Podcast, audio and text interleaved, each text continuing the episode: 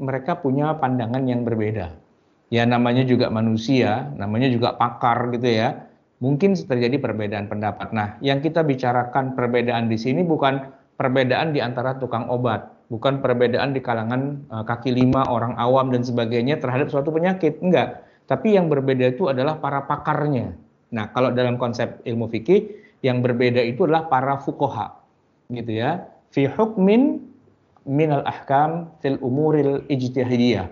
Uh, mereka berbeda pada status hukum. Dari sekian banyak hukum itu nanti dalam beberapa hal mereka bisa beda. Yang satu bilang hukumnya A, yang satu bilang hukumnya B, C, D dan sebagainya kan gitu ya.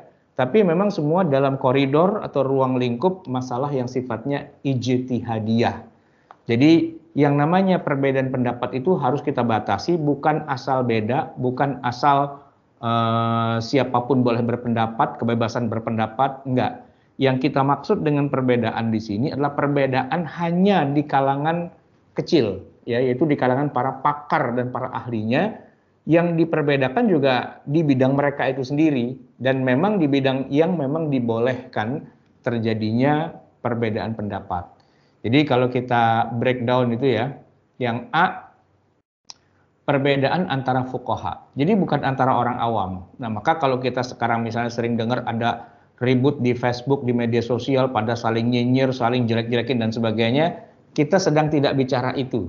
Ya kita tidak bicara tentang perbedaan pendapat di kalangan orang yang awam yang nggak ngerti urusan. Itu nggak kita bicarain, itu lain cerita gitu ya.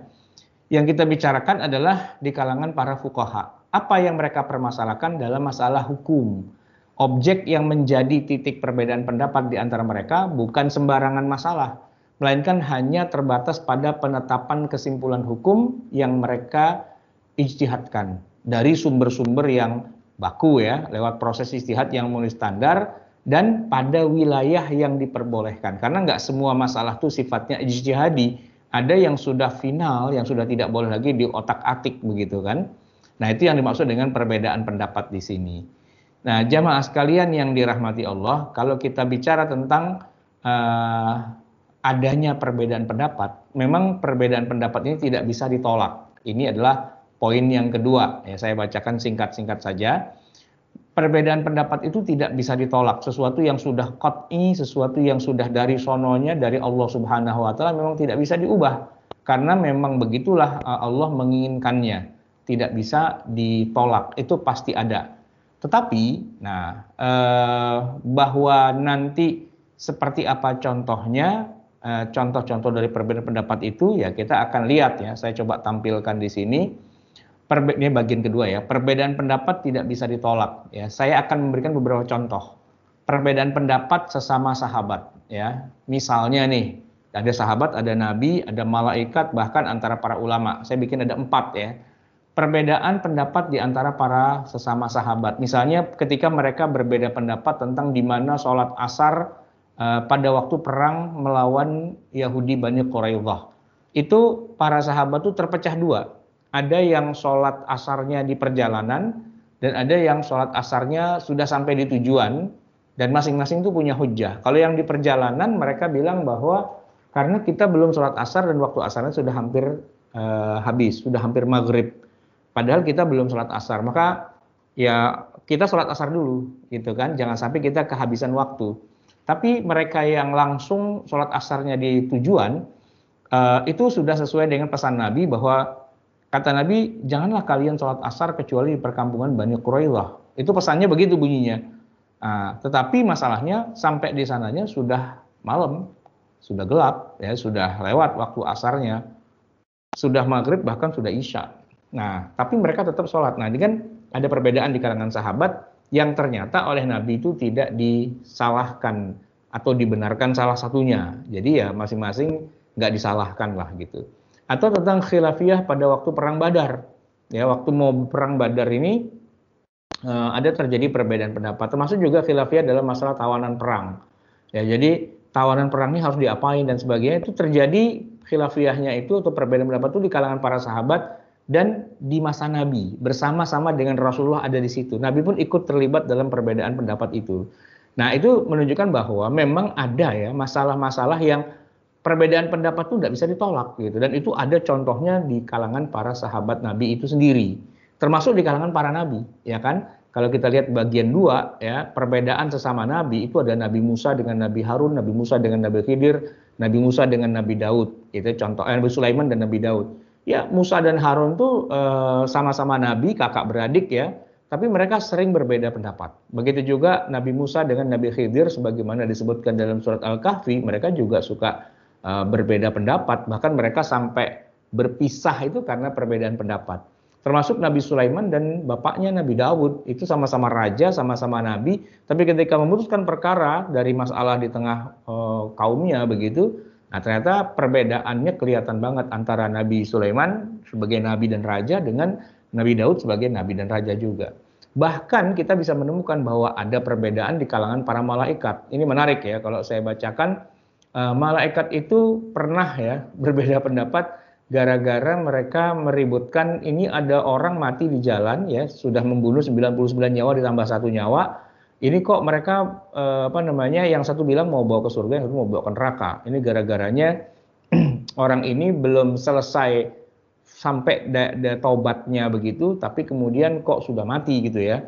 Nah maka para malaikat itu kemudian berbeda pendapat. Menarik kan? Jadi malaikat itu tidak punya istilahnya tidak punya kepentingan, tidak punya hawa nafsu, tidak punya partai, tidak punya pengikut kelompok dan sebagainya. Tapi kalau udah e, masalah e, yang satu ini, mereka jadi bisa berbeda pendapat ya, pendapat perbedaan pendapat antara malaikat gitu ya. Nah, apalagi yang nomor empat, perbedaan pendapat di antara para ulama tentu sudah tidak bisa ditolak lagi. Bayangkan, para sahabat aja berbeda pendapat. Para nabi berbeda pendapat, bahkan malaikat pun berbeda pendapat. Maka kalau perbedaan pendapat itu ada di kalangan ulama, ya kita nggak bisa menafikan. Kita tidak bisa mengatakan bahwa kalian itu keliru, kalian harus bersatu, tidak boleh berbeda pendapat. Itu nggak bisa. Kenapa? Karena memang sudah ada doktrinnya. Baik, itu yang nomor dua. Nah sekarang yang nomor tiga.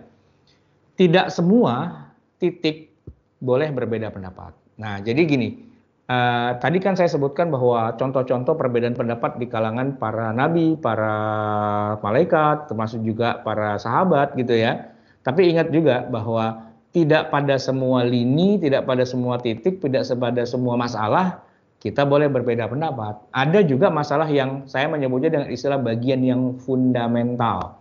Fundamental itu maksudnya apa? Ya yang prinsip banget yang kita tidak boleh berbeda memang di situ. Contohnya misalnya dalam masalah akidah yang dasar ya. Akidah tapi yang dasar, bukan akidah yang tambahan. Karena walaupun akidah itu ada terbagi menjadi dua, ada yang dasar dan ada yang tambahan. Kalau yang dasar itu kita nggak boleh berbeda pendapat, nggak boleh. Berbeda itu berarti keluar dari agama Islam, artinya sudah inheraf gitu, sudah menyimpang. Misalnya yang dasar itu ya, kan kita menyebutkan tiada Tuhan selain Allah. Ya kan Muhammad adalah Rasulullah. Itu dasar banget itu. Nggak boleh ada yang bilang khilafiyah. Saya punya pendapat yang berbeda dan jangan disalahin ya. E, masih ada Tuhan selain Allah. Itu salah kan? Atau saya bernabi juga kepada Nabi Musa gitu. Bersamaan saya bernabi bernabi kepada Nabi Muhammad tapi saya juga jadi pengikut Musa pengikut Isa. Nah itu nggak bisa gitu. Tapi kalau masalah-masalah yang tidak fundamental masih tema akidah itu nggak jadi masalah. Kayak misalnya siapakah nama nabi dan rasul ya? Kan kalau di Al-Qur'an disebutkan ada dua, ada 25 orang. Nah, itu kan tema tentang akidah. Nah boleh jadi gitu ya ada uh, orang yang dianggap sebagai nabi, tapi sebagian ulama mengatakan dia bukan nabi. Itu misalnya ada tokoh-tokoh kayak Luqman Al-Hakim. Di dalam Al-Quran itu ada tokoh Luqman. Ada nama surat namanya Luqman. Namanya Luqman, tapi Luqman itu nabi apa bukan? Khilafiyah. Kebanyakan sejumhur mengatakan dia bukan nabi. Ya, sebagaimana juga Nabi Khidir alaihissalam. Itu juga sebagian ulama ada yang mengatakan bukan nabi. Nah, Khidir itu namanya tidak disebut di dalam Al-Quran, kisahnya ada, Nah, tapi jumhur mengatakan dia nabi. Sebagian lagi ada yang mengatakan tidak karena cuma dikatakan abdan min ibadina gitu ya. Nah, sedangkan kalau Lukman itu sepakatnya kebanyakannya mengatakan bukan nabi tapi namanya ada di dalam Al-Qur'an gitu ya. Nah, ini adalah titik-titik yang kita masih boleh berbeda. Berapa apa namanya pintu di dalam surga itu kan masalah yang sifatnya akidah tapi sifatnya perintilan, tidak tidak menjadi sesuatu yang membuat kita nanti masuk neraka atau gimana gara-gara kita keliru dalam atau berbeda pendapat dalam memahaminya. Termasuk yang paling eh, apa yang paling sering terjadi adalah khilafiyah dalam masalah wujudnya Allah gitu. Allah Subhanahu wa taala itu kan sering kali di dalam Al-Qur'an suka menyebutkan dirinya uh, dengan berbagai macam uh, penyebutan ya. Misalnya Allah Subhanahu wa taala itu uh, apa namanya? Uh, punya tangan, punya kaki, berjalan dan sebagainya gitu ya. Nah, hal-hal seperti itu kan sebenarnya tidak layak seharusnya Allah kok punya tangan, punya kaki dan sebagainya. Cuman di dalam Al-Qur'an ternyata itu disebutkan secara tegas gitu ya. Sehingga para ulama di situ nanti akan berbeda pendapat. Apa benar Allah itu punya tangan sebagaimana tangannya makhluk ataukah tangan itu sebenarnya adalah sesuatu yang harus ditakwil atau di di apa namanya di, di dijadikan sebagai bahasa perlambang saja. Kursinya Allah itu bukan kursi, tapi itu maksudnya kekuasaan misalnya. Tangannya Allah itu bukan tangan, tapi maksudnya adalah uh, kekuatan dan sebagainya gitu ya. Nah, itu banyak hal-hal yang di pada pada wilayah itu para ulama berbeda pendapat antara Maturidi, Asy'ari Maturidi dengan uh, Ibnu Taimiyah gitu misalnya. Konsep uh, pelajaran akidahnya mereka itu berbeda. Kalau Asy'ari Maturidi misalnya menyebutkan sifat wajibnya Allah itu ada 20 ya, wujud kidam baqa mukhalafatul hawadisihi dan sebagainya. Tapi kalau nanti kita ketemu dengan uh, Syekhul Islam Ibn Taimiyah dan murid-murid serta pendukungnya, mereka tidak membagi menjadi sifat 20, membaginya menjadi tiga macam tauhid. Tauhid uluhiyah, tauhid rububiyah, dan tauhid asma wa sifat misalnya. Nah itu kan khilafiyah sebenarnya perbedaan pendapat, tapi itu tidak fundamental. Uh, bukti untuk mengatakan bahwa itu tidak fundamental itu begini nanti di akhirat di dalam kubur kita nggak akan ditanya masalah itu yang gara-gara kita salah jawab kemudian kita masuk neraka itu enggak. Tapi kalau misalnya tadi siapa Tuhanmu, siapa nabimu, apa agamamu itu fundamental. Yang kalau kita salah jawab ribet urusannya bisa masuk neraka itu gara-gara kayak gitu. Oke. Nah, eh, jamaah sekalian itu poin yang ketiga dan poin yang keempat tentang ikhtilaf ulama versus persengketaan orang awam ya. Jadi begini, uh, yang kita bicarakan sebenarnya adalah perbedaan pendapat di kalangan ulama. Sedangkan perbedaan pendapat di kalangan orang awam itu nggak masuk dalam hitungan kita.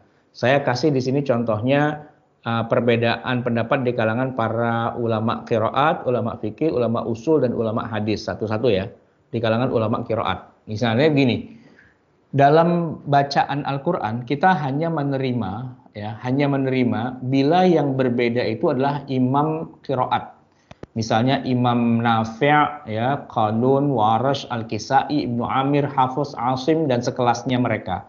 Itu kalau mereka yang berbeda pendapat bagaimana cara baca Quran, ada yang bacanya Maliki Yaumiddin, ada yang baca Maliki Yaumiddin, ada yang baca surat uh, uh, Ar-Rahmanur Rahim Maliki Yaumiddin. Nah, itu perbedaan pendapat ya. Maksudnya riwayatnya berbeda, tapi semuanya itu expert dan mereka tuh meriwayatkan dari Rasulullah SAW, dari Jibril, dari Allah Subhanahu Wa Taala. Nah, kalau yang berbeda pendapat dalam masalah kiroat adalah Nafi, Qalun, Warash, Kisai, Ibnu Amir dan seterusnya, mereka memang pakarnya, kita terima. Nah, tapi kita tidak bisa terima perbedaan pendapat ya kiroatnya sarimin, sariman, saritem atau sariem sebab mereka bukan imam kiroat. Jadi kalau bukan expert di bidang itu, terus bilang, wah saya beda pendapat, itu kita buang. Kenapa? Bukan ahlinya, nggak usah beda pendapat. Yang boleh beda pendapat yang ahlinya saja, gitu kan? Begitu juga dengan ulama fikih, ya. Para ulama ahli tafsir itu jumlahnya uh, cukup banyak. Ini dalam masalah tafsir dulu ya. Uh, uh, nah, kalau yang berbeda pendapat adalah sesama para ahli tafsir, silahkan silahkan saja, nggak jadi masalah. Ya, misalnya pokoknya selama yang berbeda pendapat itu misalnya Ibnu Abbas, Ibnu Mas'ud, Ali bin Abi Thalib di kelas para sahabat, ya kita terima saja. Memang mereka pakarnya. Ibnu Abbas, siapa yang nggak kenal dengan ilmunya? Yang Nabi SAW itu mendoakan Ibnu Ibnu Abbas gitu ya, waktu masih kecil, Allahumma faqihhu fiddin wa alimhu ta'wil. Ya memang dia ahli tafsir gitu.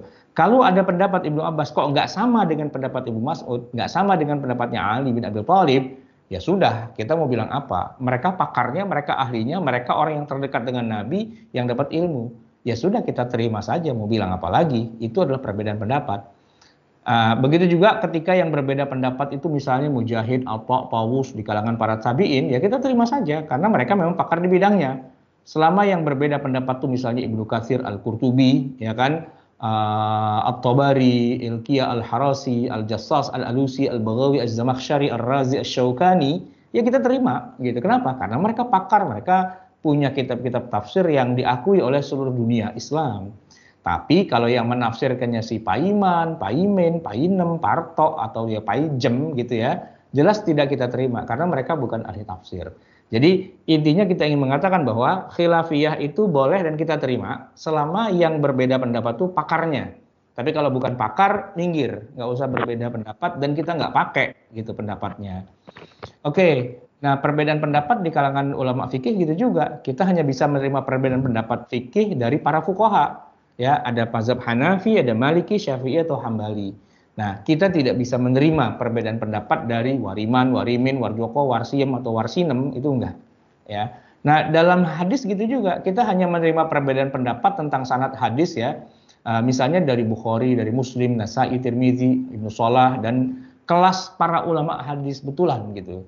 Nah, kita tidak bisa menerima perbedaan pendapat dari Tugiman, Tugimen, Tulkiem, Tuljaina, Jaiji gitu ya, nggak bisa. Kenapa? Ya mereka bukan pakar gitu. Kalau pakarnya silahkan berbeda pendapat. Tapi kalau bukan pakarnya, ya udah nggak usah gitu. Nah kita yang bukan pakar juga jangan sok malah lebih pakar dari pakar gitu. Kita salah-salahin lah Bukhari, salah-salahin lah Muslim gitu. Apa urusannya?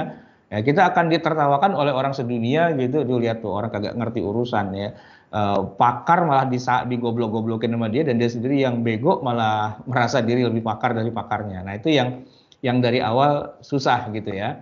Jadi seperti ributnya orang-orang tentang uh, sebuah penyakit. Padahal mereka bukan dokter. Ya, ributnya mereka tentang ruang angkasa. Padahal mereka bukan astronom. Ributnya mereka tentang resep masakan. Padahal mereka bukan chef dan tidak pernah masuk dapur seumur hidupnya. Mereka meributkan masalah hukum agama, padahal tak satu pun yang pernah belajar ilmu agama. Mereka meributkan sanad hadis, tapi tak satu pun yang pernah jadi murid ulama hadis. Mereka meributkan cara baca kiraat sab'ah, padahal tak satu pun yang pernah belajar sanad bacaan lewat riwayat yang mutawatir. Mereka meributkan tafsir suatu ayat, padahal tak satu pun yang pernah kuliah ikut uh, kuliah ikut tafsir ya kan. Nah, keawaman mereka itu adalah sumber penyakit sekaligus racun yang merusak ukhuwah dan persatuan umat Islam sebab yang mereka lakukan itu sangat naif dan fatal akibatnya. Ibarat ya ada orang buta saling meributkan gajah.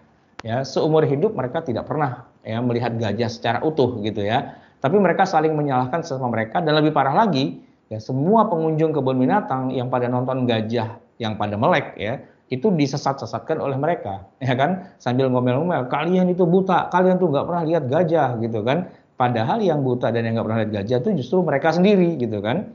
Nah itu kasusnya yang sering terjadi di tengah masyarakat begitu. Jadi kita itu sebenarnya uh, membatasi ya, boleh tidaknya ada perbedaan pendapat itu pada orang yang tepat, right man on the right place gitu. Jadi pada orang yang tepat, pada bidang yang tepat, di situ kalau mau beda pendapat boleh. Tapi kalau enggak, enggak boleh, enggak ada perbedaan pendapat begitu ya. Nah, poin yang nomor 5, bab 5, ini penting ya. Tidak ada azab selama masih ada masih ada khilafiyah. Jadi begini, ketika ada dua pendapat yang berbeda di kalangan para ulama, antara yang satu bilang haram, yang satu bilang halal gitu misalnya, tentang satu masalah, nah selama masih ada perbedaan pendapat, kita tidak bisa menjudge bahwa yang berbeda sama kita itu akan masuk neraka, akan dibakar dan sebagainya itu nggak bisa. Karena judge itu ya apa, me, me, apa memfonis gitu ya sesat kafir apa segala macam itu kalau yang sudah kita sepakati uh, keharamannya. Tapi kalau yang ini haram apa enggak, kita masih berbeda pendapat, maka kita tidak boleh pakai bahasa-bahasa yang mengatakan nanti kamu diazab apa segala macam. Saya kasih contoh yang sederhana ya. Contohnya ketika masih ada khilafiyah nih Nah, begini misalnya. Misalnya keharaman dari minum khamar, berzina, membunuh nyawa yang bukan haknya, mencuri, berkhianat, dan seterusnya. Semua itulah keharaman yang berlabel muttafaqun alaih di semua lapisan umat Islam. Anak nongkrong di pinggir jalan pun tahu kalau minum khamar itu haram, meskipun dia sering melakukannya, gitu ya. Nah, kalau jenis dosa seperti itu tetap dilakukan juga dengan sengaja, dengan sepenuh kesadaran, serta tahu resikonya, maka barulah akan disiksa di neraka. Tetapi, nah ada tetapinya, Manakala suatu hukum masih jadi perdebatan di kalangan para ulama. Karena memang dalilnya memungkinkan terjadinya beberapa versi kesimpulan. Maka kalau ada yang memilih salah satu versi dari pendapat itu, tentu dia tidak akan dikenakan sanksi oleh Allah Subhanahu wa taala sebab sebagian ulama mengatakan haram tapi sebagian lagi masih mengatakan hal. Yang bilang tuh bukan orang sembarangan ya, tapi pakarnya ulama ahli dalam bidang hukum itu. Sementara kedua pendapat itu bergerangkat dari ijtihad, lantaran dalilnya masih mengandung hal-hal yang bisa ditafsirkan menjadi beberapa versi pemahaman. Logikanya sederhana saja. Bagaimana mungkin Allah Subhanahu wa taala yang Maha Pengasih dan Maha Penyayang itu main hakim sendiri, main siksa pemain kayu kepada hamba-hambanya. Sementara aturannya tidak jelas, ketentuannya masih multi tafsir dan semuanya itu memang sulit untuk dipungkiri. Lalu di mana keadilan Allah menghukum orang yang sengaja dijebaknya untuk jadi salah. Ya, itu kan nggak mungkin atau nggak boleh gitu kan. Nah, jadi uh, seandainya contoh nih ya, uh, hukum isbal tanpa niat ria, isbal itu memanjangkan kain sampai lewat lutut gitu ya, itu seandainya itu hukumnya qat'i tidak ada multi tafsir, pastilah semua ulama sepakai sepakat ya bulat tentang keharamannya. Sayangnya dalil-dalil isbal itu memang nyata multi tafsir sebab semua kutub pendapat yang lahir darinya adalah istihad manusiawi ya. Bahkan sampai level ulama besar Imam Nawawi dan Ibnu Hajar pun mengatakan halal bila tanpa niat isbal. Lalu apakah seharusnya uh, menjadi cara pandang kita adalah selama itu masih khilaf ya, yang seharusnya itu adalah selama masih ada khilafiyah di kalangan para ulama, maka itu dalilnya sifatnya dhanni ya secara istidlal. Maka tidak ada ancaman siksa dan sebagainya. Makanya kan kita bilang begini, kalau ada seorang mujtahid ya mujtahid nih beristihad ya dalam perkara yang memang agak gemuk yang agak gelap samar-samar kalau dia istihad maka benar istihadnya dia dapat dua pahala tapi kalau dia istihad tapi istihadnya keliru dia dapat satu pahala. Nah kelirunya di sini ya kenapa kok udah keliru tapi dapat satu pahala? Kenapa? Karena masalahnya itu tidak uh, tidak real tidak apa tidak clear gitu ya. Tidak clear. Maksudnya clear tuh gini, kalau memang pasti haramnya, nggak mungkin mereka berbeda pendapat dan nggak usah pakai diistihadin. Kayak zina haram, ya nggak usah diistihadin lagi, kan udah memang pasti haram gitu kan. Uh, mencuri haram, udah nggak usah diistihadin lagi, nggak ada. Misalnya mujtahid bilang mencuri uh, antara halal dan haram, ya nggak juga gitu. Kalau mencuri dalam arti mencuri ya, iya. Tinggal nanti kan ketika ada kasus-kasus yang gemut, gemut itu artinya yang remeng-remeng gitu kita nggak yakin ini masuk dalam kasus itu atau bukan. Ini saya kasih contoh ya, contoh yang paling sederhana. Mungkin backgroundnya coba dihilangin dulu. Ah, gini misalnya, uh, semua ulama sepakat, mau dari kalangan mana pun, bahwa yang namanya ikan, ya ikan yang hidup di air, itu walaupun mati jadi bangkai, bangkainya halal boleh dimakan, ya tanpa disembelih. Mati begitu aja, itu kan jadi bangkai itu seluruh ulama sepakat oke okay, itu ikan halal dimakan. Karena kalau nggak halal ya gimana dong? Kan berarti harus disembeli. Masa kita mau nyembelih tapi ikan? Itu kan lehernya susah. Apalagi kalau ikannya ikan teri 2 kilo. Itu gimana caranya kita menyembelihnya? Kan nggak mungkin ya. Nah maka ikan itu ya halal. Seluruh sepakat seluruh ulama sepakat kehalalannya. Sebaliknya kalau itu hewan darat gitu ya mati begitu saja nggak disembelih semua sepakat itu haram ayam mati sakit gitu ya. Pagi bengong siang bengong sore mati gitu kan. Itu kan ada nah, makanya jangan bengong mulu lu. Ayam gua kemarin bengong-bengong mati gitu misalnya. Nah itu eh, sepakat bahwa hewan yang disembeli yang tidak disembeli secara syar'i kalau dia hewan darat ya matinya itu jadi bangkai dan haram. Itu sepakat. Nah menjadi tidak sepakat ketika ada uh, hewan yang rada-rada nih. Hewannya rada-rada maksudnya begini. Dia tuh sebenarnya hewan darat apa hewan air sih? gitu ya. Nah, kalau dia hewan darat, mati jadi bangkai haram. Sepakat. Tapi kalau dia hewan air, mati jadi bangkai halal, yaitu sepakat. Tapi kalau dia di darat hidup, di air hidup, nah ini bikin masalah. Ya, bikin masalah. Dan terjadi dua pendapat. Ya, misalnya dalam hal ini ada pendapat yang pertama yang mengatakan bahwa selama dia bisa hidup di darat juga, walaupun dia bisa hidup di air, tapi dia bisa hidup di darat, gitu ya, maka paling tidak sebagian dari dirinya adalah hewan darat. Dan sebagai hewan darat, kalau dia mati nggak disembelih, dia adalah bangkai. Maka haram hukumnya makan hewan yang hidupnya di dua alam. Kenapa kok jadi haram di dua alam? Karena maksudnya karena dia jadi bangkai separuh dari tubuhnya itu jadi bangkai karena dia punya dua dimensi kan sebagai hewan darat mati jadi bangkai haram walaupun sebagian dirinya adalah hewan air yang mati jadi bangkai bangkainya halal tapi karena menyatu dalam satu tubuh gitu nah itu jatuhnya ikut ikut haramnya, bukan ikut halalnya. Itu satu pendapat. Nah, pendapat yang lain mengatakan begini, selama dia bisa hidup di air, ya kan? Berarti dia ngambil hukumnya ikan. Lepas bahwa dia adalah hewan darat, ya kan? Mamalia bernapas pakai paru-paru. Itu kan seperti dolphin ya, lumba-lumba. Itu nggak disebut ikan, ya lumba-lumba gitu aja. Paus gitu, nggak disebut ikan. Ya, kalau saya apa belajar biologi itu salah kalau bilang, bilang ikan paus gitu. Uh, walaupun sebenarnya itu nggak salah-salah amat ya, karena itu kan kebiasaan orang orang Betawi itu kalau bilang ikan tuh tidak hanya yang hidup di air, tapi yang di darat tuh dibilang ikan juga. Makan pakai apa ente? Pakai ikan ayam, ikan sapi.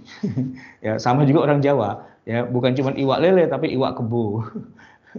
iwak wedus gitu ya. iwak pitik gitu. Semua dibilang iwak juga. Nah, iwak itu artinya apa sih? Apa daging apa ikan gitu ya. Nah, jadi kalau menurut pendapat yang kedua, terserah dia mau hidup di mana di mana, tapi asalkan dia bisa hidup di air lama gitu ya, maka dia dianggap sebagai hewan air. Urusan dia nanti hidup di darat tuh urusan dia dan Tuhannya. Nah, dengan demikian kan jadi berubah nih, ya kan?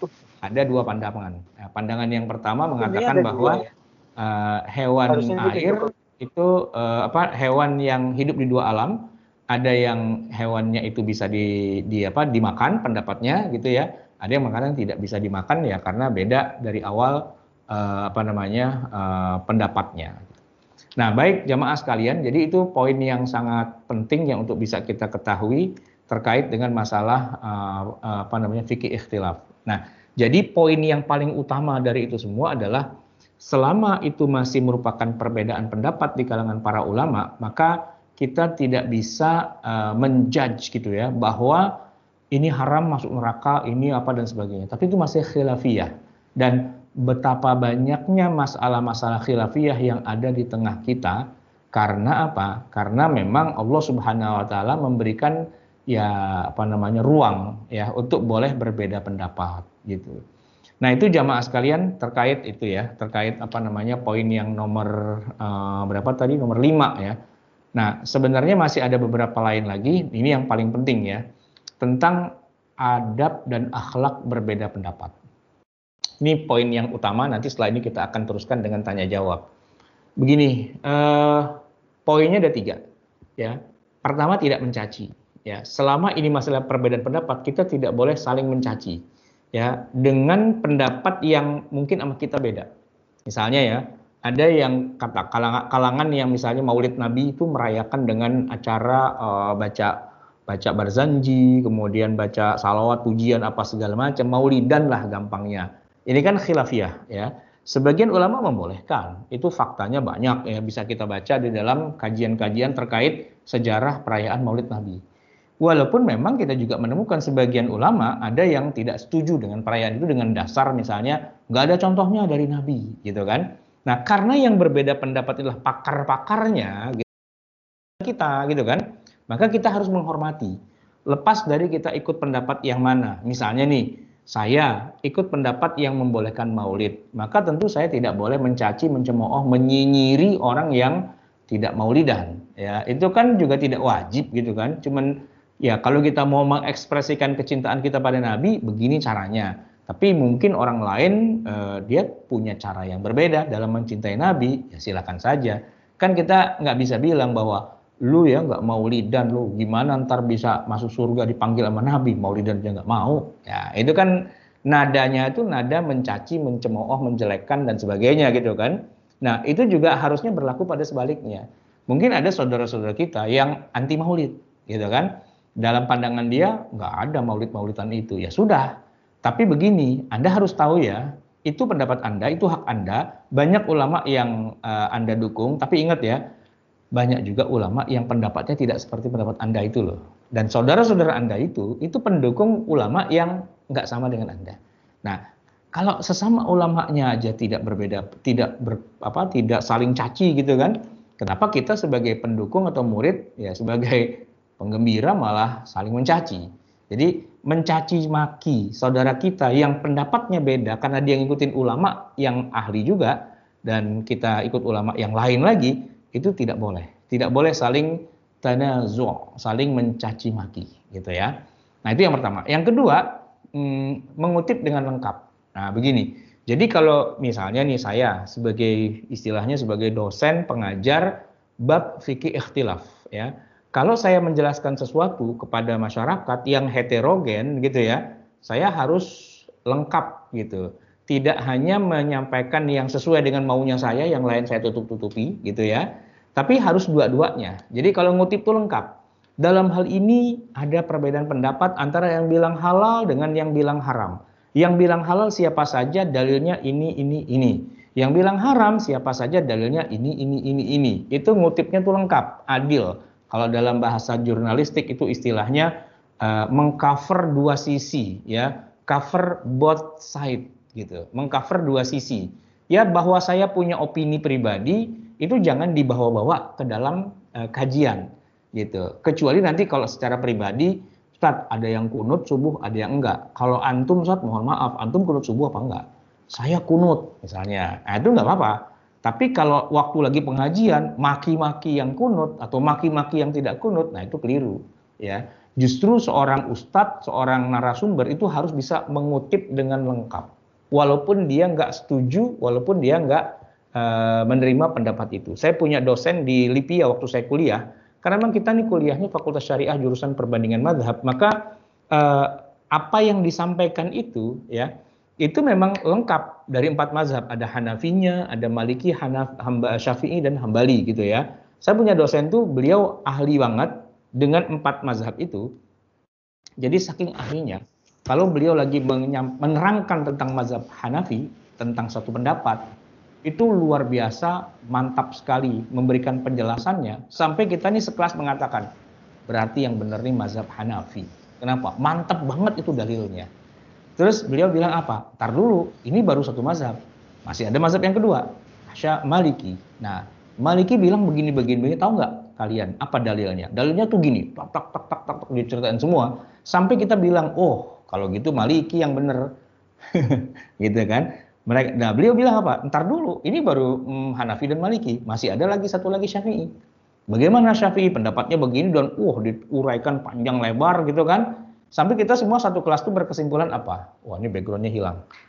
Sampai saya satu kelas eh, apa namanya mengatakan begini, eh, ternyata dibandingkan Hanafi dan Maliki yang paling benar itu adalah Syafi'i gitu.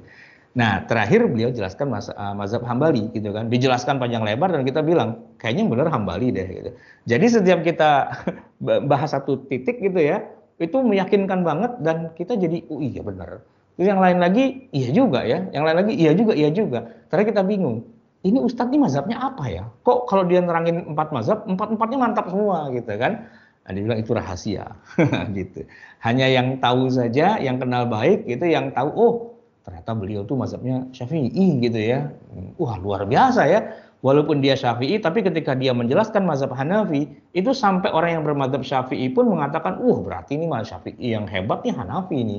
Jujur gitu loh, ya kan? Nah, tidak tidak asal apa ya, tidak asal ngomong, tidak asal sebut gitu ya, tapi juga apa namanya melakukan yang seharusnya gitu. Nah, begitulah ya. Jadi tidak mencaci uh, mengutip dengan lengkap dan yang paling penting tidak mendominasi kebenaran. Tidak merasa dirinya yang paling benar dan orang lain itu salah semua. Nah, itu eh, sikap-sikap uh, yang tidak boleh dilakukan ya.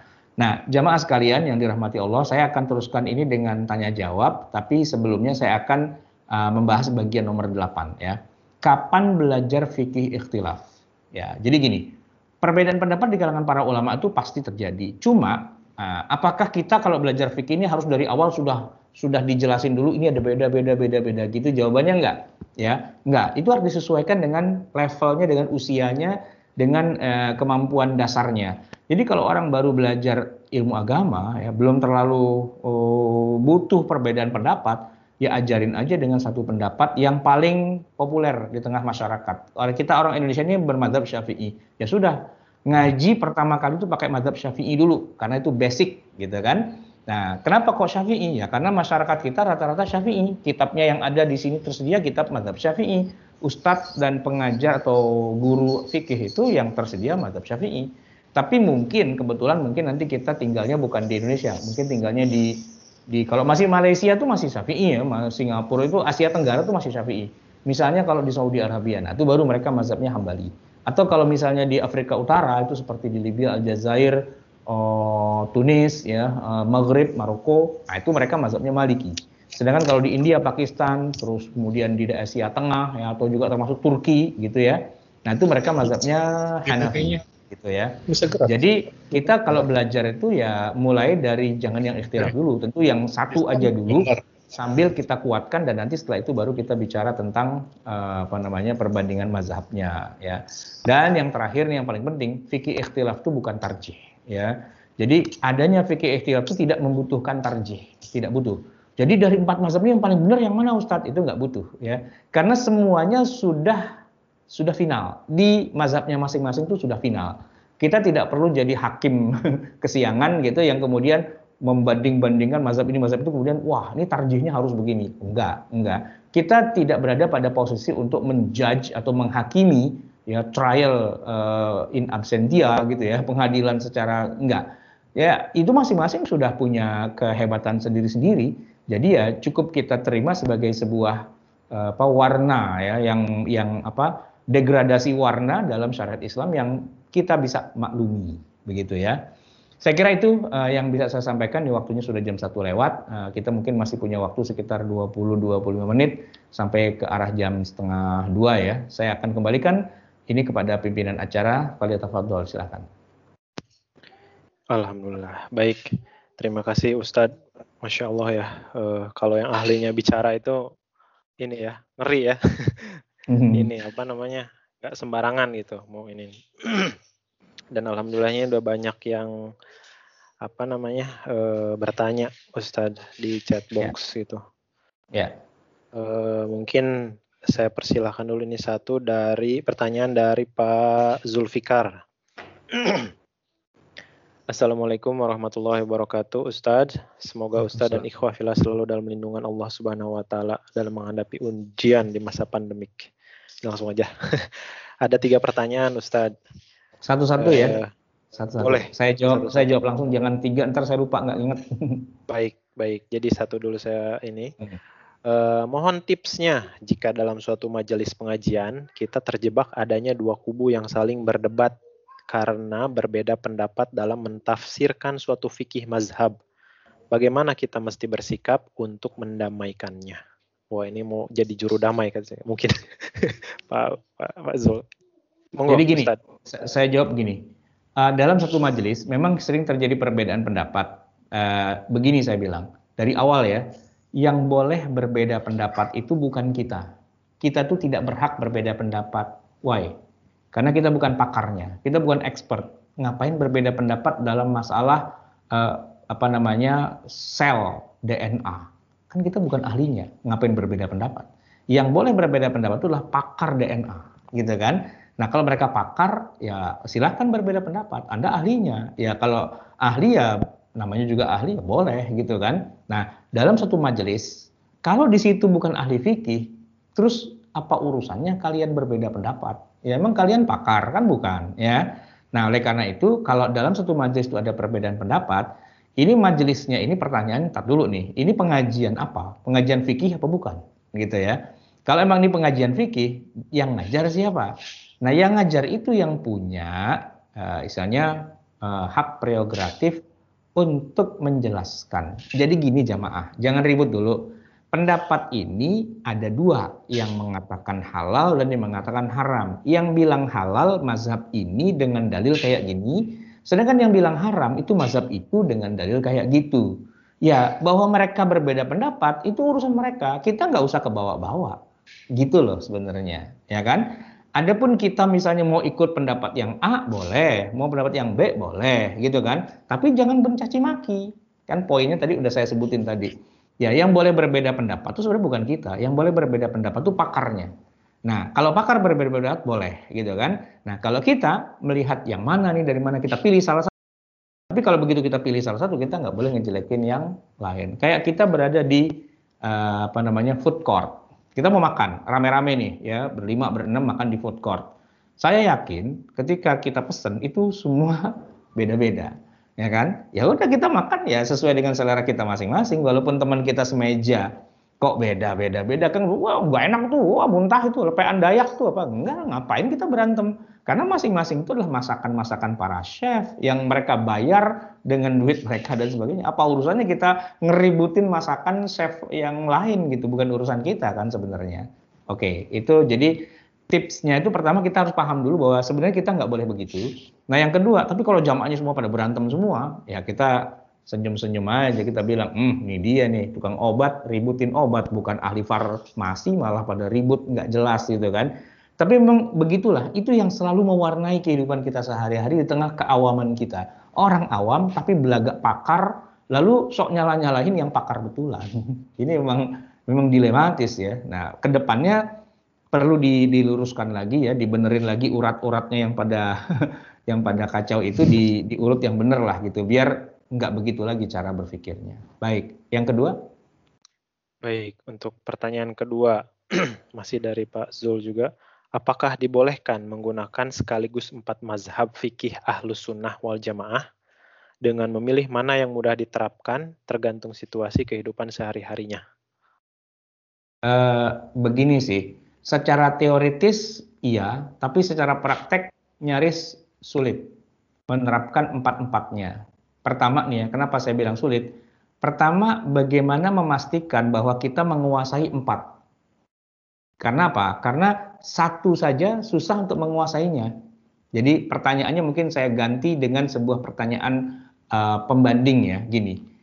Apakah boleh saya kalau berantem itu pakai silat, kungfu, karate, dan judo. Ya, kan kalau normatifnya ya boleh-boleh aja. Tapi pertanyaan gini, emang ente jago silat? Emang ente jago kungfu? Emang ente jago karate? Emang ente jago judo? Kalau belajar empat-empatnya sih oke. Okay. Tapi secara teknis, saya kok jarang ya ngeliat pendekar gitu ya. Iko Uwais misalnya gitu yang gampang saya sebutnya. Ya dia silat lah gitu ya. Kalau Bruce Lee, ya bukan silat. Nah, Bruce Lee itu apa? Jet kundo apa apa gitu kan. Nah, terus kalau Jet Li gitu, apalagi gitu kan. Kan masing-masing sesuai dengan bidangnya. Nah, saya kok nggak menemukan ya sosok gitu yang ahli bela diri dalam semuanya. Kalau jago iya, tapi kalau dia bilang saya kungfu juga, saya eh, karate juga, saya silat juga, ah itu enggak gitu. Tapi kalau jurus pamungkas kabur, nah itu banyak gitu kabur. Artinya dia nggak menguasai salah satunya sebenarnya gitu loh. Cuman dia sok-sokan aja bilang saya pakai semua, padahal sama sekali nggak pakai malah gitu. Karena mempelajari atau menguasai satu madhab itu kan butuh ngaji yang panjang, lama untuk memastikan ini adalah benar gitu sesuai dengan madhabnya gitu kan. Uh, uh, mungkin ada satu dua orang yang dia bisa membandingkan dan bisa menjalankan empat-empatnya. Tapi yang terjadi secara teknis di tengah masyarakat kita bukan mencampur antara dua mazhab tiga mazhab itu enggak sebenarnya. Tapi adalah uh, dia tidak pakai satu satu pun mazhab tapi dia ngarang sendiri dia me membuat istilahnya kombinasi-kombinasi sendiri tapi kemudian dia nisbahkan ini Syafi'i ini Hanafi ini Maliki. Padahal belum terkonfirmasi. Benar nggak ya itu Syafi'i? Benar nggak itu Maliki? Benar nggak itu Hanafi? Itu belum tentu ini kasus pernah terjadi kita di sini di rumah fikih. Dulu saya masih ingat beberapa tahun yang lalu di kelas itu kita bicara uh, kita coba bikin debat, debat antara sama mahasiswa. Ya coba perdebatkan masalah ini gitu, buat menajamkan pisau bedah analisa kita terhadap satu, satu masalah gitu kan. Lalu mereka ribut, lalu bilang ini Syafi'i, ini Maliki. Saya bilang tar dulu, ente jangan ngaku-ngaku ini Maliki, ini Syafi'i, ini apa. Benar nggak itu kata pendapat Syafi'i? Di mana ente ketemu uh, pendapat itu dalam kitab yang mana? Cari dulu gitu kan. Nah, maka akhirnya perdebatan itu kita ubah. Kita bukan berdebat, tapi kita mencari rujukan. Apa pendapat Syafi'i dalam masalah ini dalam kitab apa? Cari. Nah, sedangkan mazhab Maliki gimana? Cari. Hanafi gimana? Cari, cari. Jadi merujuk mencari urutannya, bukan ribut di tengah kitanya, tapi ketika ada pendapat misalnya yang khilafiyah ya, kunut subuh gitu misalnya atau misalnya sholat raweh itu apa dua tiga apa sebelas gitu misalnya. Kan banyak tuh khilafiyah khilafiyah gitu. Nah itu tugasnya bukan kita berantem gitu bukan. Meributkan mana yang benar bukan. Tapi tugasnya adalah lu coba cari rujukannya kalau ada yang bilang begini nih mazhab ini tuh di mana di kitabnya? Cari dan kutip. Cari kutip cari kutip. Oh nanti kita akan ketemukan oh kayak gini ya uh, konfigurasinya gitu. Kitanya sendiri nggak ikut terlibat berantem, kitanya sendiri malah sibuk bagaimana kemudian menampilkan uh, apa namanya harmoni dari perbedaan-perbedaan itu. Jadi intinya sih di situ sebenarnya, bukan malah uh, uh, uh, istilahnya malah menggunakan semua, karena nggak mungkin juga secara teknis rata-rata karena kita nggak belajar itu semua, gitu ya. Kita belajarnya cuma satu mazhab doang, yaitu kalau di kita Indonesia mazhab Syafi'i. Nah, ketika dibilang, boleh nggak saya menerapkan mazhab yang lain? Saya akan balik bertanya, kenapa harus menerapkan mazhab yang lain? Buat apa? Gitu loh. Kan Anda tidak belajar, gitu kan? Tapi kalau emang mau menerapkan mazhab yang lain, boleh-boleh saja. Tapi Anda, Anda sudah belajar belum mazhab yang lain itu? Kan belum, ya kan? Nah kalau belum, bagaimana Anda bisa mengatakan saya mencampur dua mazhab? Nah yang terjadi itu bukan mencampur dua mazhab sebenarnya anda tidak pakai mazhab, lalu Anda karang bahwa inilah mazhab A, B, C, D. Itu kemungkinan pertama. Yang kedua, Anda belajar satu mazhab tapi nggak lengkap, tapi kemudian Anda ijtihad sendiri dan kemudian menganggap inilah mazhab yang lain gitu. Padahal tidak terkonfirmasi dengan dengan sumber rujukan aslinya yang mewakili mazhab secara representatifnya itu nggak ada, boleh jadi. Oke, yang ketiga pertanyaannya. Baik, yang ketiga mohon pencerahannya. Apakah perbedaan yang paling pokok antara mazhab yang dianut Sunni dan Syiah? Nah, begini. Kalau kita bicara mazhab, ini sebenarnya kalau dari tadi awal ya sampai sekarang saya ngomongin mazhab, itu semesta pembicaraannya adalah mazhab fikih dan fikih itu tidak bicara tentang Sunni Syiah. Enggak. Kalau Sunni Syiah itu ya sebenarnya mazhab juga, tapi bukan dalam dunia ilmu fikih. Itu dalam dimensi yang lain, yaitu dalam bidang akidah gitu. Nah, akidah itu kita biasanya tidak menggunakan istilah mazhab. Mazhab ahli sunnah, mazhab syiah itu kita nggak gunakan. Karena istilah mazhab itu populernya adalah untuk masalah hukum. Hukum itu ada di koridornya, koridor ahli sunnah wal jamaah. Ya, empat mazhab itu semuanya ahli sunnah, gitu kan. Dan yang dibicarakan masalah hukum. Hukum itu maksudnya yang lebih praktis gitu. Misalnya tentang sholat, puasa, zakat, taharoh gitu ya tentang hukum-hukum muamalah, hukum pernikahan, hukum uh, apa namanya jual beli dan sebagainya kayak gitu-gitu. Tapi kalau A gitu ya, nah itu kita udah keluar dari apa ruang pembicaraan. Ketika kita sebut kata si A, ini dimensinya berbeda. Si A itu gerakan politik gitu, gerakan politik yang lahir di masa-masa lalu, lalu membawa isu-isu agama, ya salah satunya lah isu tentang keimaman. Nah kalau ditanya apa perbedaan antara Syiah dengan Sunnah, politik sebenarnya ya. Syiah itu pingin yang jadi khalifah adalah dari mereka.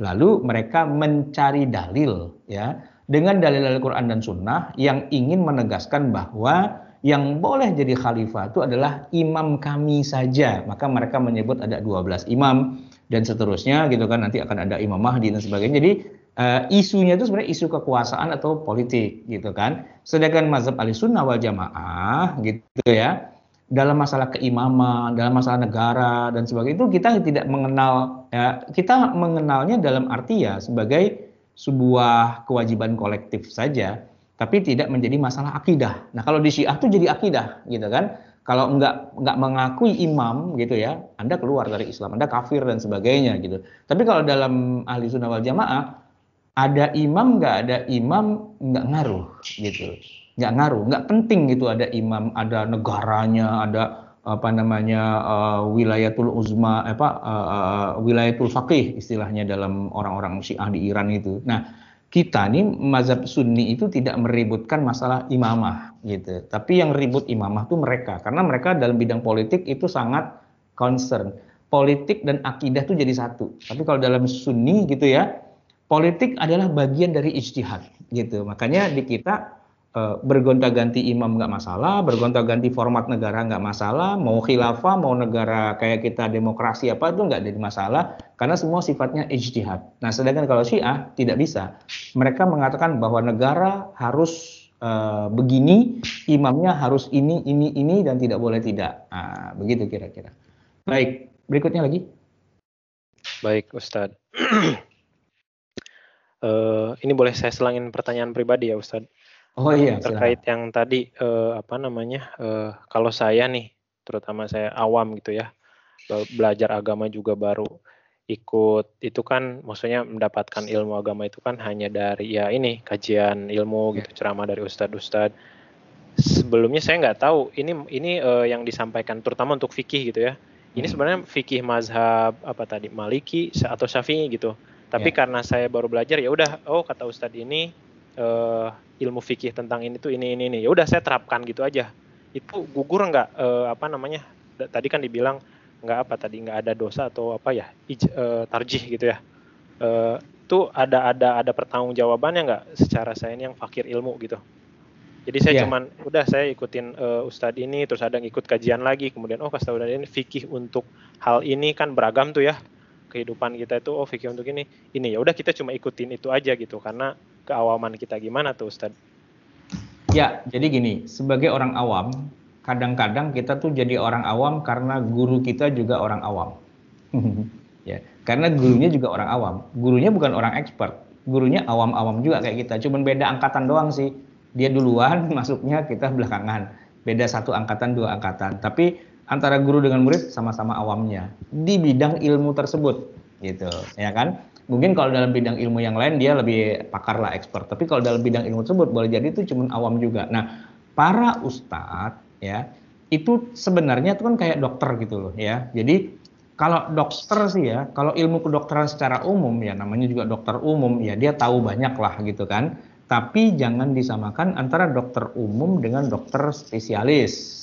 Karena apa? Karena tidak akan jadi dokter spesialis kalau nggak dari dokter umum dulu ya kan? Nggak bisa langsung loncat lulus SMA nanti mau ke mana? Saya mau langsung ngambil spesialis kulit. Ya ntar dulu lah, dokteran umum dulu baru spesialis kulit kan begitu. Nah, nah gini, kadang-kadang kadang-kadang kita ngaji belajar agama kita nggak bisa bedain ini dokter umum atau ini dokter spesialis bahkan kadang-kadang lebih parah lagi kita nggak bisa bedakan ini dokter apa mantri apa bidan apa tetangganya mantri nah gitu itu kita nggak bisa bedain gitu kan nah jadi ya saya bilang salah satu alasan kenapa kita jadi orang awam itu sebenarnya yang paling banyak penyebabnya adalah karena yang ngajar kita adalah orang awam dan bukan pakar di bidangnya.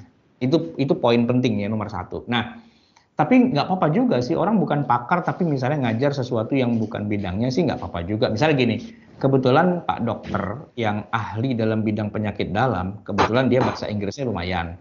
Terus dia iseng-iseng nyari tambahan, ya ngajar kursus bahasa Inggris. Ya asal dia bisa bahasa Inggris sih nggak apa-apa juga. Tapi sih bagusnya kalau mau belajar bahasa Inggris sama yang pakarnya di bidang bahasa Inggris gitu kan. Nah, itu juga. Jadi ketika kita jadi orang awam, mungkin ada ustadz-ustadz kita yang ya sedikit banyak namanya ustadz kan tahu dikit lah gitu tentang ilmu fikih. Lalu dia ngajar gitu kan. Ya nggak apa-apa, nggak apa-apa. Boleh-boleh aja selama yang diajarkan tuh tidak menyimpang, tapi dengan catatan. Catatannya gini, nanti kalau ada yang pakar benerannya dalam bidang itu, jangan disalah-salahin Jangan digoblok-goblokin. Pinteran guru saya, kamu tuh siapa? Nah, jangan begitu, ya kan? Karena apa? Ya, kita lagi ngomongin bedah jantung. Nah, yang ngomong itu adalah ya dokter spesialis jantung. Ya sudah, kita turut taat.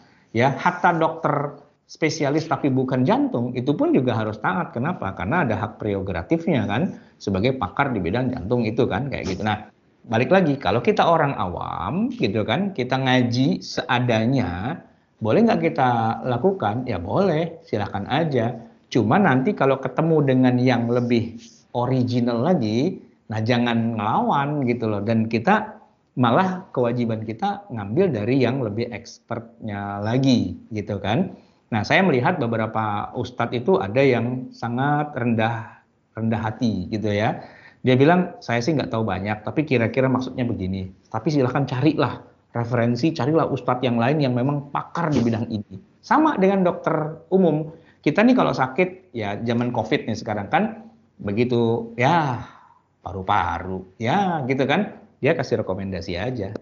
Sana lagi, periksa ke lab, gitu kan sana lagi ke rumah sakit gitu. Kenapa? Nanti ada dokter paru-paru yang akan menentukan Anda COVID positif apa enggak dan sebagainya. Sebagai dokter umum, dia tidak bisa memfonis, tapi dia bisa mungkin mengenali, ah ini ciri-ciri kayak gini, mendingan gua kirim aja deh ke tempat yang lain. Itu semua rata-rata dokter itu, profesi dokter itu begitu. Nggak ada yang bilang, nggak usah ke rumah sakit. Apa itu rumah sakit? Nggak ada yang benar. Yang benar saya doang. Nah itu Kalau ada dokter gila kayak gitu ya kita pecat aja di dokter. Enggak, dokter tuh biasanya rendah hati dia. Yang arti, wah ini kayaknya di luar bidang saya nih. Anda saya kasih rekomendasi ke sana ya, ke sana ya, ke sana ya, ke yang lebih pakarnya lagi. Nah, para ustadz kalau bisa kayak gitu tuh cakep tuh. Cuman memang kadang-kadang suka susah ya, karena ada ego gitu yang kemudian nah, dia. ya bukan bidangnya, tapi dia ngotot maunya begini, begini, dan sebagainya. Nah, itu. Nah, sebenarnya kita jadi bertanya, ini dokter apa bukan ya? Jangan-jangan klinik pongfang gitu, jangan-jangan jual obat gitu kan? Nah, itu yang harus hati-hati. Oke. Okay. Insya Allah, baik. Uh, ya sebenarnya waktu sudah mulai menepat ini ya, Ustaz. Tapi ini masih ada oh, banyak pertanyaan Ustaz. Oke. Okay. Kita manfaatin aja lah waktunya ya. Assalamualaikum dari maaf dari Pak Miko. Assalamualaikum Ustadz, mohon pencerahannya. Bagaimana bagaimana menyikapi kelompok masyarakat yang tidak bermazhab karena mereka tidak punya rujukan secara umum langsung ke Al-Quran dan hadis Nabi Shallallahu Alaihi Wasallam. Apakah ini yang membuat perpecahan umat? Terima kasih. Mungkin mirip-mirip dari pertanyaan saya tadi kayak awam Jadi tapi ada, berpendapat ya. gitu kan. Ya. Jadi ada dua ya. Dia awam tapi dia sadar bahwa dirinya awam sehingga dia ya ya dia nggak bermazhab tapi bukan dengan niat memusuhi mazhab dia tidak bermazhab karena ya memang dia belum sempat atau nggak punya kesempatan belajar aja gitu. Dengan orang yang tidak bermazhab tapi dia tidak bermazhab karena memang dia mau memusuhi mazhab itu.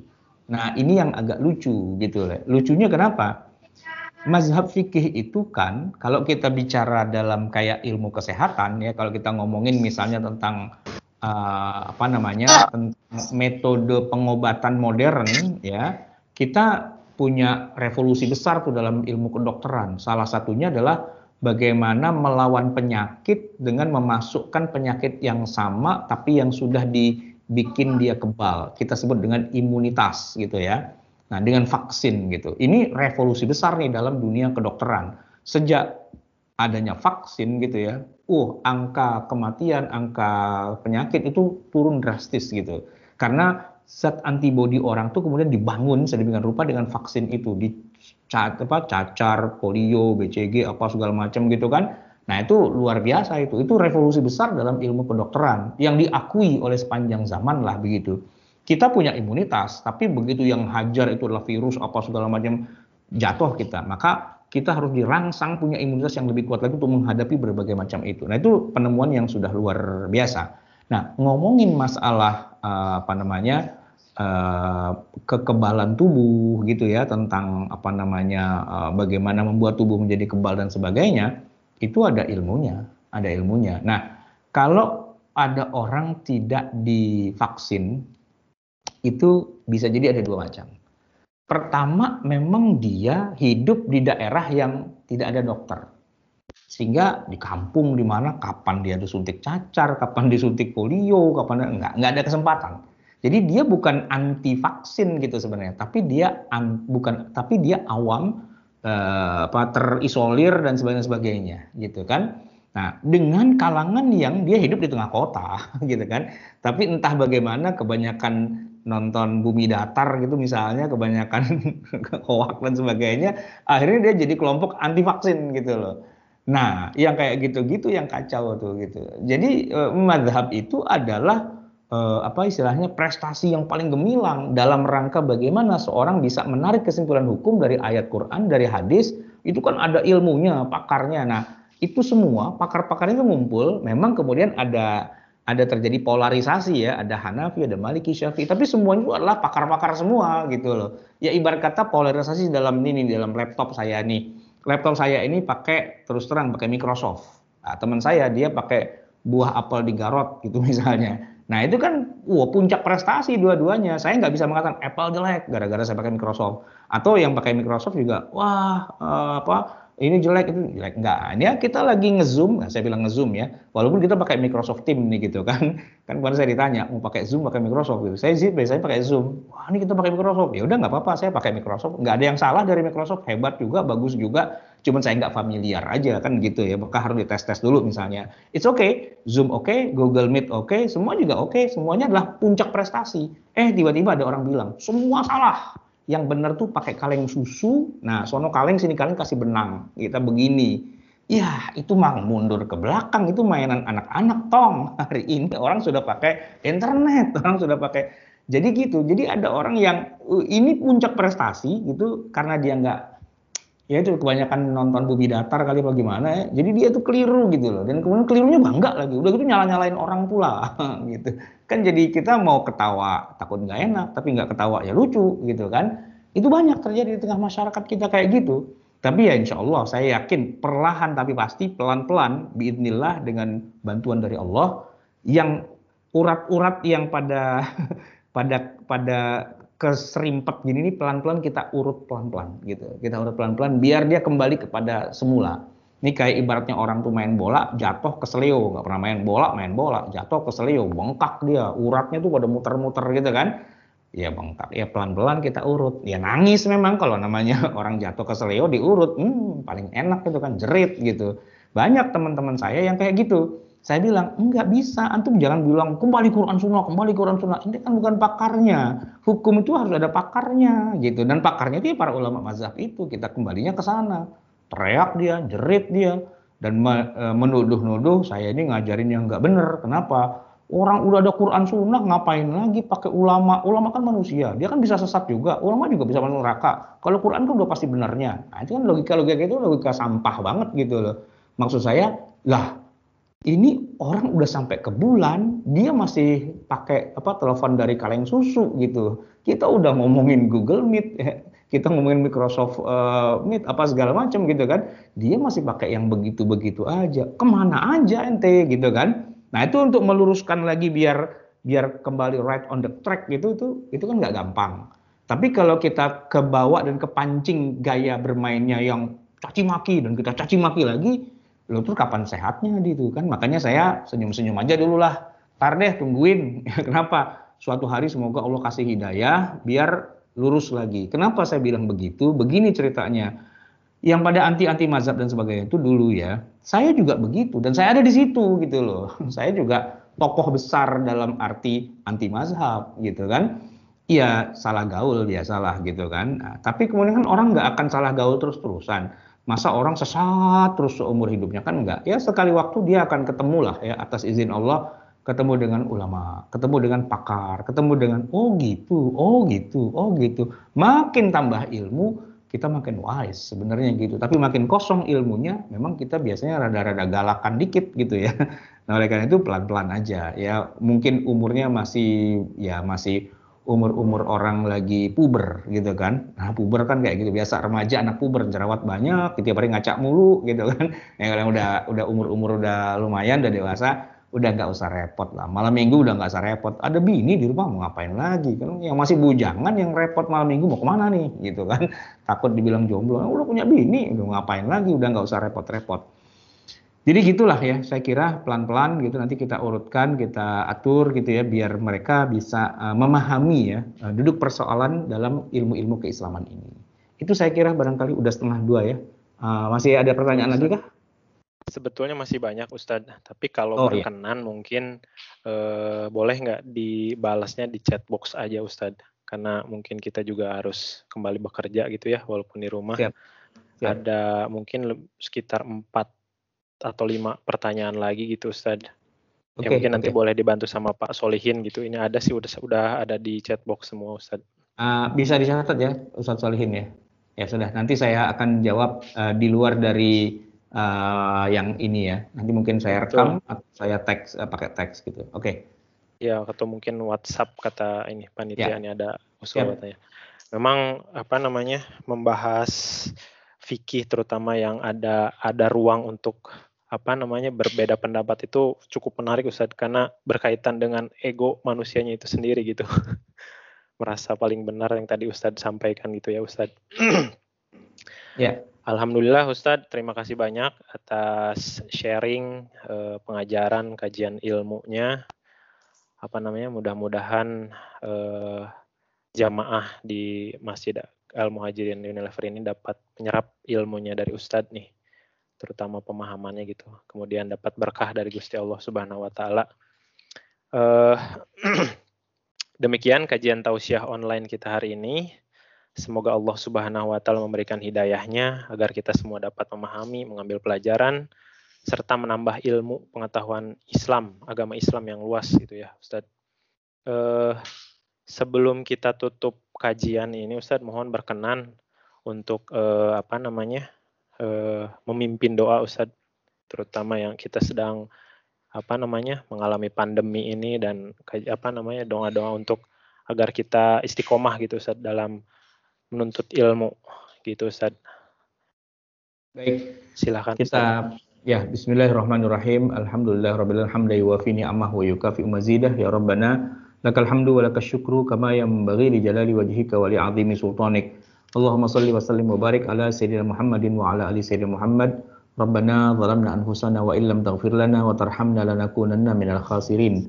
Rabbana amanna bima anzalta wa taba'na ar-rasula faktubna ma'asy syahidin. Rabbana la tuzigh qulubana ba'da idh hadaitana wa hab lana min ladunka rahmatan innaka antal wahhab. Rabbana atina fid dunya hasanah wa fil akhirati hasanah wa qina adzabannar. Wa sallallahu ala sayyidina Muhammadin wa ala alihi washabihi wasallam. Subhana rabbika rabbil izzati amma yasifun wa salamun alal mursalin walhamdulillahi rabbil alamin.